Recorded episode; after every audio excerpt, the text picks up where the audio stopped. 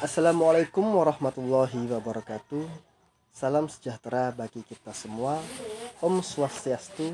Salam nama budaya. Masih bersama saya Rizky Perdana dan selamat datang di podcast Tempe Menjes. Podcast yang tidak berfaedah sejagat raya. Podcast kali ini aku mau membahas tentang begadang. Memang saat ini begadang seolah menjadi hal yang biasa. Mulai dari tuntutan pekerjaan atau hanya sekedar menjalankan gaya hidup dan bercengkrama. Meskipun tempat menyenangkan, kebiasaan ini akan menjadi akibat buruk begadang bagi kesehatan sebagaimana Mahendra dalam bukunya yang berjudul Tubuh Anda Cerminan Kesehatan Anda. Begadang dapat menimbulkan atau memicu timbulnya penyakit dan disebabkan oleh rusaknya sistem imun.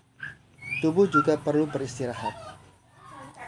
Apabila istirahat, organ apabila tidak istirahat, organ-organ tidak dapat melakukan fungsinya dengan optimal. Hal ini akan menimbulkan masalah atau penyakit yang dapat menyerang tubuh. Ini membuktikan bahwa tidur atau istirahat cukup merupakan sistem keseimbangan pada tubuh. Berbagai penyakit akan bermunculan sebagai indikator tubuh tidak seimbang.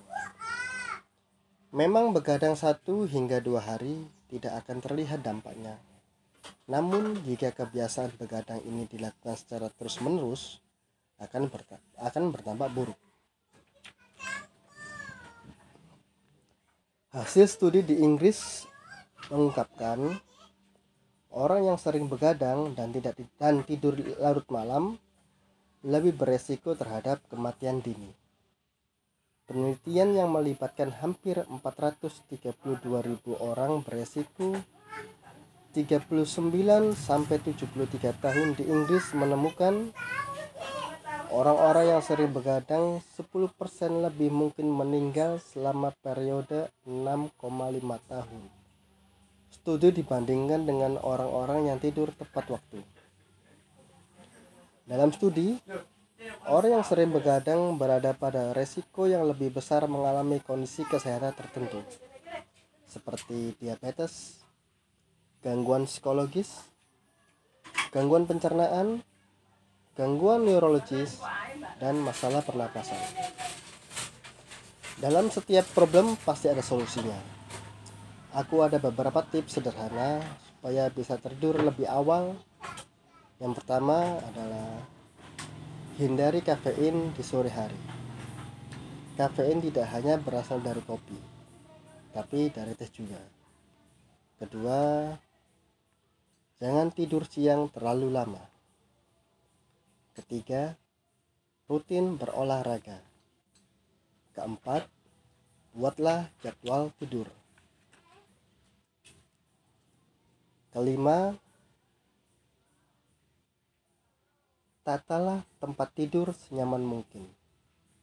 Keenam, jangan makan terlalu kenyang atau kalau bisa jangan dalam kondisi lapar juga.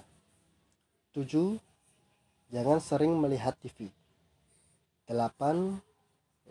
Lakukan aktivitas rileks sebelum tidur. Dan terakhir yang kesembilan, matikan HP satu jam sebelum tidur. Aku sendiri sudah lima bulan ini sudah terbiasa untuk tidak begadang. Dan Alhamdulillah, aku sudah mengambil satu langkah untuk menjadi pribadi yang berkualitas. Untuk teman-teman yang saat ini masih suka begadang, sayangilah tubuhmu. Seperti kata pepatah, mensana incorporisano, yang artinya dalam tubuh yang sehat terdapat jiwa yang kuat. Aku rasa cukup dulu podcast kali ini. And see you next podcast. Assalamualaikum warahmatullahi wabarakatuh. Adios. Buaya purba makan gorengan. Wataw!